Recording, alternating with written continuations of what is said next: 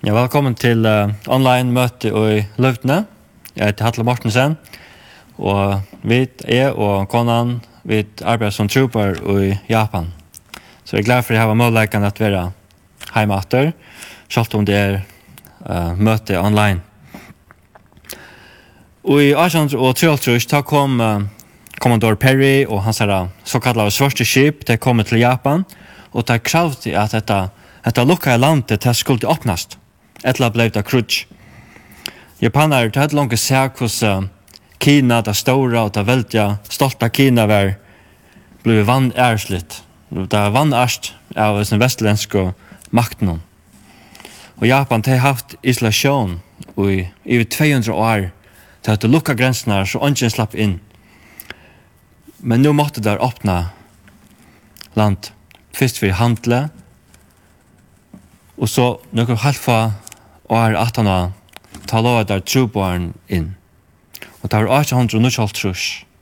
Ta å si at det er 100 og trus år søyan at trobaren først kom til Japan, eller at det er protestantiske trobarene.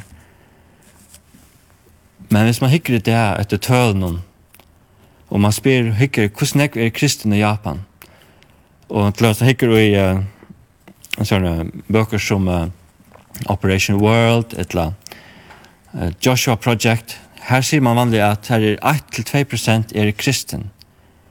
Men uh, det vil si at det er alt som kunne balkast under og til brei viftene av kristen. Det er katolikker som er store balker, det er ortodoska kyrkjan, og så er det utlendingar. Ta er vi talt opp i 1 eller 2, 1,5%. Og hvis man huksar bare evangelisk tjekkvande, ta er det 0,5% 3% eller 0,5%, alt ender, alt, allt etter hver man hikker. Så deres tølene er løytel, og det er ofte at hvis vi bare hikker etter tølen, så er det kjøtt at man blir motfattelen. Til at om okkara sankma er blivit tutsi fyrir større innan tutsi år, eller om okkara sankma blivit hundra for større innan tutsi år, det er ikke ongan mun i statistikken. Og hvis du också på den måten så er det kjøtt at man blir inte målfattlen at Men det som vi också til er at hvis vi kunne avvarska ett liv, ett menneske, en familie, så gjør det mening. Det brøyder ikke statistikken, men det brøyder liv. Og det er det som vi røyna arbeider for. Og det er alltid den vinkelen at vi, vi må bruke, som annars blir vi ganska motfall. Så land, land uh, Japan til et land vi står om avbjøringen, et land vi står om møvleikon. Og det som vi gjør, det er mest person til person. Og et som vi har haft, det er en kafé i samkomne. Det blir til til at her er uh, ofta mammer i Japan, det er ofta heima, da bøtten er løy 1, 2, 3 år. Og vi åpner så en kafé. Og det var faktisk flere som kom. Og det var kanskje et år. Det var kafé, det var chat, det var snakk. Og hadde ikke program av nøkron slag. Men så at han er tog, så begynte jeg kona min kynne at hun sa, ah, det er kanskje vært godt at hadde vi haft akkurst. Sinde mer strukturera. Og så begynte vi at bruka et hefte som snakka om bøyplene av uh, eller ut fra bibelskolen Jeg snakka jo om uh, familjeløyv, om hava bød, og tjonarband, og, og så blir jeg tås om sånne evnen, uh, om sånn evne fra bibelskolen Sjønarhattene. Men først så var det litt sint der, ah, hvordan får jeg at reagere, da var for å snakke om bibelene, snakke om kristendom, så vet jeg var faktisk en god løte, uh, for måneder, men så begynner vi å Vi sa at falskene var, eller kona var ølja av høyar. Det ville at det, det åpna ordentlig opp ved å snakke om tæra loiv, og om tæra familier, tæra problemer. Og at han, han tog var fjæren, så spurte nekrar, faktisk spurte kynne om hon kunne hava bibeltøymer ved en. Så det ville vita meira om, om bibelna, om Gud, om Jesus, om kristendom. Så det var lett til tvar imenska bibelbalkar tja kynne, og nu er nekrar her som kvinnon eisne komnar og møte og jeg har gjort at trygg og eisne bøttene er kommet i akkurat sundagsskola og vi trygg at at dette kan brøyta liv til falkon at dette kan brøyta til familieliv, til personlige liv, selv om det ikke brøyter statistikken om hvordan jeg er tryggvandi og i Japan. Og eisen vi tok som eisen, til er hver byrja vi tar vi fortelja evangeliet. Folk som unga bakgrunn tava, folk som ånge vita om biblina, ånge vita om Israel, ånge vita om Jesus, Moses, Abraham. Hver byrja vi vi har fortelja evangeliet. Byrja vi vi har sier at Jesus er gau i deg, Jesus døy for deg, til bruk for deg, rattvistgjering, fyrirgjering. Etla færa vi atter til kanskje fyrste målspåk. Gud skapte heimen, sinten kom inn i heimen, og så atla vi inn tjøkkenen, søvna, Abraham, Moses, Israel, David, Messias. Og det er kanskje ikke et rett svær hva man fer, hvordan man byrjar. Det her er kanskje ikke en lykkel som åpnar opp. Men til verste også, hver byrjar vi det? ta vi byrja telja, eller fortelja evangeliet. Så vi vilja fortelja da av en hatt som her som gjør mening, at jeg skilja da. Og til det åpne skriften her, til ikke lagt å skilja hvis jeg byrja å og vi vilja hjelpa dem. Og vi vilja eisne teka ta ting, eller sånne ting fram og i bøyblene som som som gjør atterlig og som da få lättare att skilja det. Bruka kategorier eller hotök som de själva brukar. Ta vi läsa biblarna i Färjön eller Amerika eller Japan. Vi brukar öll okkara ganska farva og briller. Vi lekkja mestis, til mestis nøk ting. Og til alt overske av okkara personlighet, okkara ganska okkara sundagsskola, okkara samkommeløyve, okkara kontekst, okkara lande, okkara kultur, mentan, søve, okkara godfrøye. Og ta vi åpna bøyplina, vi er avvarska av öllum tøy som vi tar oppleva. Og eisen ta tei, og Japan ta tei åpna bøyplina, så lesa tei vi sin egnu brillon. Og så tekken suttja nøkker andre ting som vi kanskje hava latvia vi løypa om, ting som vi kanskje ikke leitja til merkes, Og hvis man hikker, altså det er noen ting som er uh, faktisk rettelig løyka og i bøyplene. Og som løykes nek, det med mentan og Japan, eller mentan og i Miestre og i Afrika, men som er kanskje ikke løyka som i Vesterheimen. Så det er godt at vi lurt etter okkar brøveren og systeren ur øren land. Ikke at vi vilja letja nekka ui skriftene som ikke er her, men lett til merkes det som er her. Tekka kanskje akkurat briller av, akkurat farva i briller av og suttja. Og her er noen ting som ikke er lagt til merkes. I Vestrarmen så hoksar vi ofte om god som domare, lov, sint er lovarbrot, og det er, det er. Og det er som skal fram, og til dem så sier uh, Jakobs brev 2 nutje, det sier Men tid gjerra mannamon, men gjerra til mannamon synda tid, og være av lovene reser som lovbrådar. Så det er bøybels, det er nekka som vi må pratika, som vi må tala. Men synd er ikke bæra lovarbrott. Alt er synd til eisne brottet samfunnet til dømes hvis vi fer atter til første Mosebok 3, til kapitel 8, 2, 3, her ser man ta synden kommer inn, ta bryter samfunnet. Det bryter samfunnet mellom god og menneskene, mellom god, äh, mellom menneskene sjølve, mellom Adam og Eva, mellom menneskene og skapende verket Så synden er ikke bare lovarbrot, men synden er eisne ta bryter samfunnet, ta brøyder samflag mittlen folk og god. Og et annet som synden gjør, det er hun gjør skom. Etter hodet ikke skam, det er nok så fjellbrøtt. Man kan huske om salerlige skam, folk har skam. Hva skal de... Jeg er ikke full skam, men de er skam av allikevel.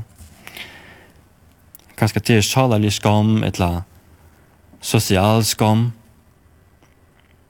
skommer mittle mennesker. Og til nekka som folk i Asia og mye som hoksa nekk om skam. Og Alltså vi gör att det är att alltså människor vi sammanbär och vi andra folk. Vi stämper etter avvarskan, vi stämper etter makt, respekt, å være virt, Og dette fører før til uh, samfunnet som er åsen, eller samband vi faktisk som er åsen. Jeg skal være bedre enn han, jeg skal være bedre enn hæsen. Vi vil være bedre, hakre, større enn neste okkara. Og hvis vi leser bøyblene, så er det ikke langt vi kommer til Kain og Abel, Kain drapa Jesun. Leser løsent vi er, så kommer vi til, til Babelstårnet, Her har jeg sett det. Det skulle gjøre sær navn. Kom og let okkon, bygge okkon boi og tårn som rekker helt opp til himmels. Let okkon gjøre okkon navn. Bytja okkon opp. Være stor, være vird, være hamet. Og hvordan er krutsk og strøy og konflikter er ikke gjørt er, er av grunn av tog at folk, mennesker, vi vilja gjøre okken et navn. I Japan her er hever et her skam og æra ølen ekvasia. Det er eisen i bøyplene og mye estre og, i Imsko London og i Afrika. Og i Japan her sier man man hører ofte at man, foreldre der ser bøttene ah, ikke gjøre så og så.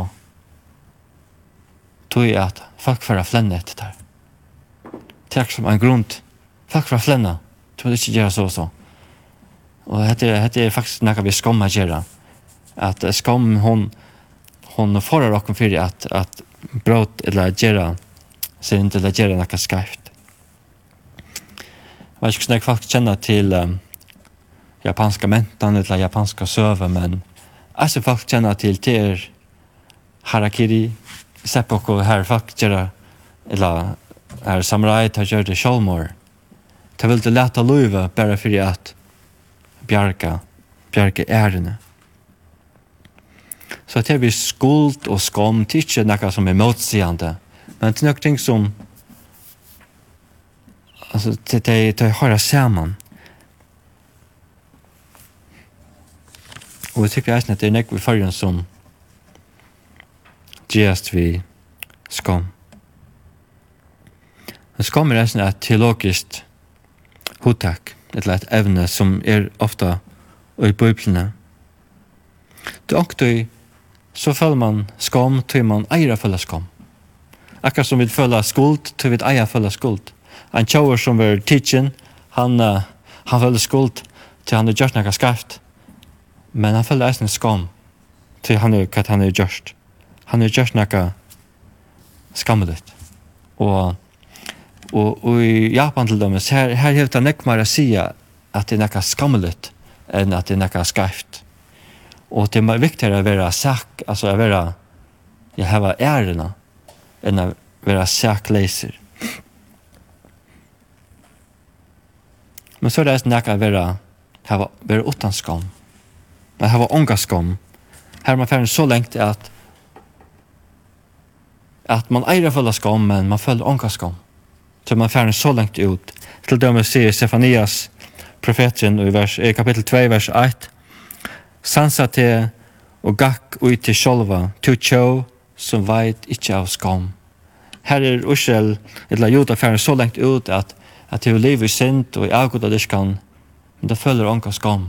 Til færre forboi, det følger ånka synd, det følger ånka skam, til færre forboi til marsk. Så synd, det gjør åkken, skuld, skuldarkjensla, og ta gjør okkon skam. Skam mittelen okkon og god, eist mittelen med og grannamoin. Jeg vil dekke diver, men er sint. Jeg vil ikke at han skal sutja hva det gjør. Men er sint, til jeg har mine er. Alt det er ikke bæra i Asia og Afrika man, eller mer vi er at vi tok som ærna. Jeg vil ikke at grann min skal sutja det som jeg har gjørst. Så tog det at jotta synd er så harsht. Så det til det bryter ærena tjåk. Skulden sier at jeg har brått lovna, jeg har gjort dere skarpt. Men ta og ta skam, så er det ikke vært Men jeg er ikke verdt at hitje opp til programmet min, jeg må hitje nyer, jeg er ikke verdt at hitje opp til god, jeg må hitje vekk. Til skammen som er ujak. Ta menneska var skapt, stendet at det var skapt i tign. Menneska var skapt i myndgods. Menneska var skapt til at endur spekla dårdgods. Til dem sier Isaias profeter så leis, tru og tru tjei.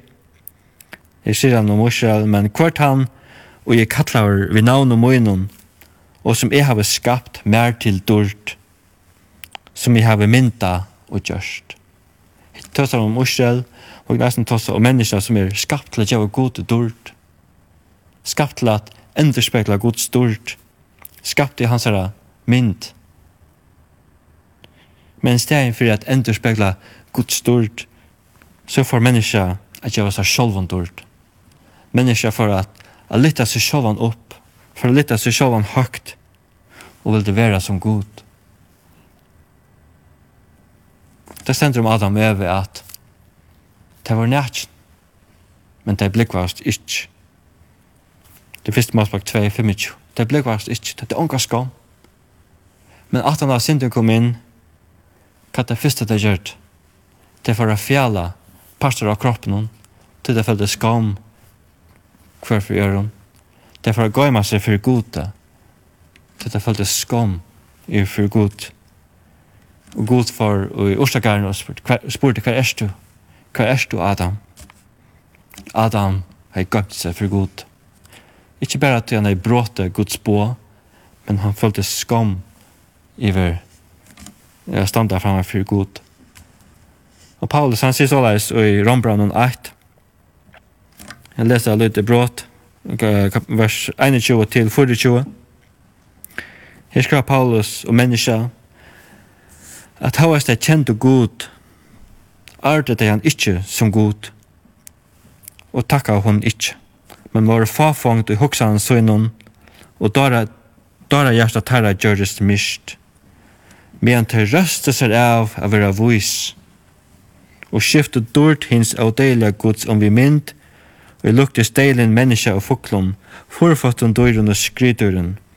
Tøyga god til eisen opp i hjertens lister tarra til åransko, til at vann er likansunne, kørst vi gjør. Hvis det hittjes i teksten har stått, her sier Paulus at det åtta er av god, menneska åtta er at djeva god og dord, at enderspekla god stort, så manen han enderspeklar ljósi av solene. Men det stendig at det er ikke god. Det er vann er det god. Og røste seg sjolven. Og det vil det heira seg sjolve, men det enda vi at det er vann er det seg sjolve. Og for det skam og skuld om man iver seg. Hette er menneska. Hette er er to. Hette er ikke bare Adam og Eva hette er öll, hette er öll vit. Det er tog Paulus sier i Rombraun 3, 3, 20. Öll hava synda og ta man fatta stort Guds. Vi endur spekla ikkje stort Guds som et eia, som vi er skapt til. Ofta tar vi også om Jesus, hugsa om Jesus av krossen hon, så hugsa vi la fokusere på hans där poin. Fokusere på hvordan han var slien. Fokusere på kanske hur spuskar torna kronorna pojkarna ur torna kronor var. Eller hugsa om pusken, etla. benen eller uh, metallpetter hvordan ilt han må ha finch. Eller hvordan ilt han fikk av naklen og i hand og fot. Vi tok som på inn. Men kvart vi vann her, kvart vi skommene som Jesus før jøkkenen. Ta en ur mjester hikker det ned, så hokser han mer om Jesus er skom, helt enn Jesus er på inn. Jesus han før jøkkenen skom. Hva gjør det der vi han? Det sputt jo han. Det vann er han. Det kort han i en apostelkape, og spott av han. En tornakrona som spott av han. Marks evangeliet, det blir så där sig Jesus han er i Jordan ånne og god hans han sier fra himle hette er sonen min hin elskar til æra til æra som Jesus hever han er sonen gods Han kan ikke hakre opp enn det. Etter sånn min hinn elsker jeg. Men da Jesus han døyr av krossen, så råper han, god min, god min, hvor er det færen fra meg? Til skommen.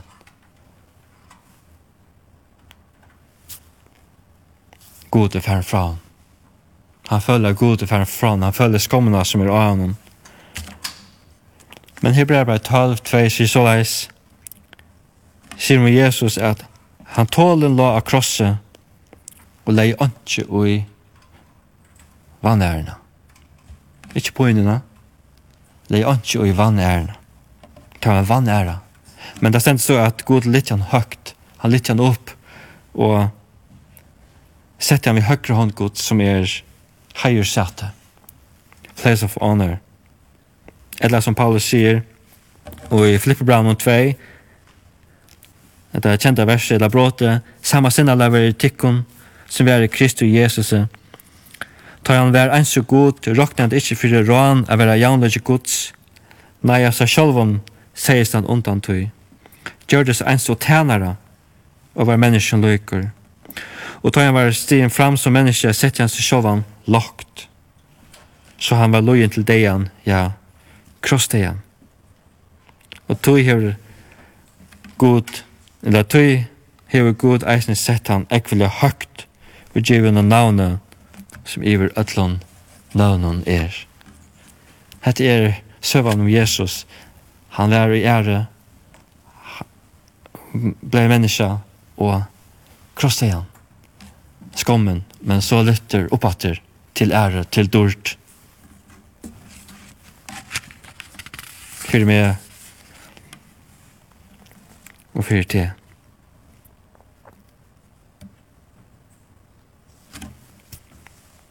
Kanskje anker av okken vi trøyast vi skuld, eller vi trøyast vi skam. Kanskje du sier som i Esra, godmøyn, er skammest, og smæist a litta opp anlitt mot til her godmøyn. Du mister okkara er vaksnar okkon iver høtte, og skuld okkar er våren så stør at hun røkker til himmels. Her sier Esther, vi tar skam, vi tar sint vi tar skam, vi kan ikke komme framfyr til. Men Jesus, han tok okkar sint, han tok okkar skam, han tok okkar skuld. Han er frelsare.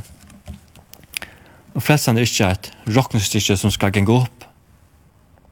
Det er at han teker okkom Han teker akkara synd og skuld og skam, og han rensar det, og han lytter det opp, så tok han enderspegla Guds stort til det som du har skapt til. Ta proklamerar hvor god er. Ta sier okkur hvor god er, at han teker okken, renser okken, og enderskapar okken. Og skriften sier jo at han som lytter han, han skal ikke være til skammer okkara tjekv vi er ikke til skammer. Så det er tilbud til okkara ødel, og at hukse at da vi hittet til skriftene, her er sånn ek som vi kunne lære av akkurat brøren og systeren i røren London.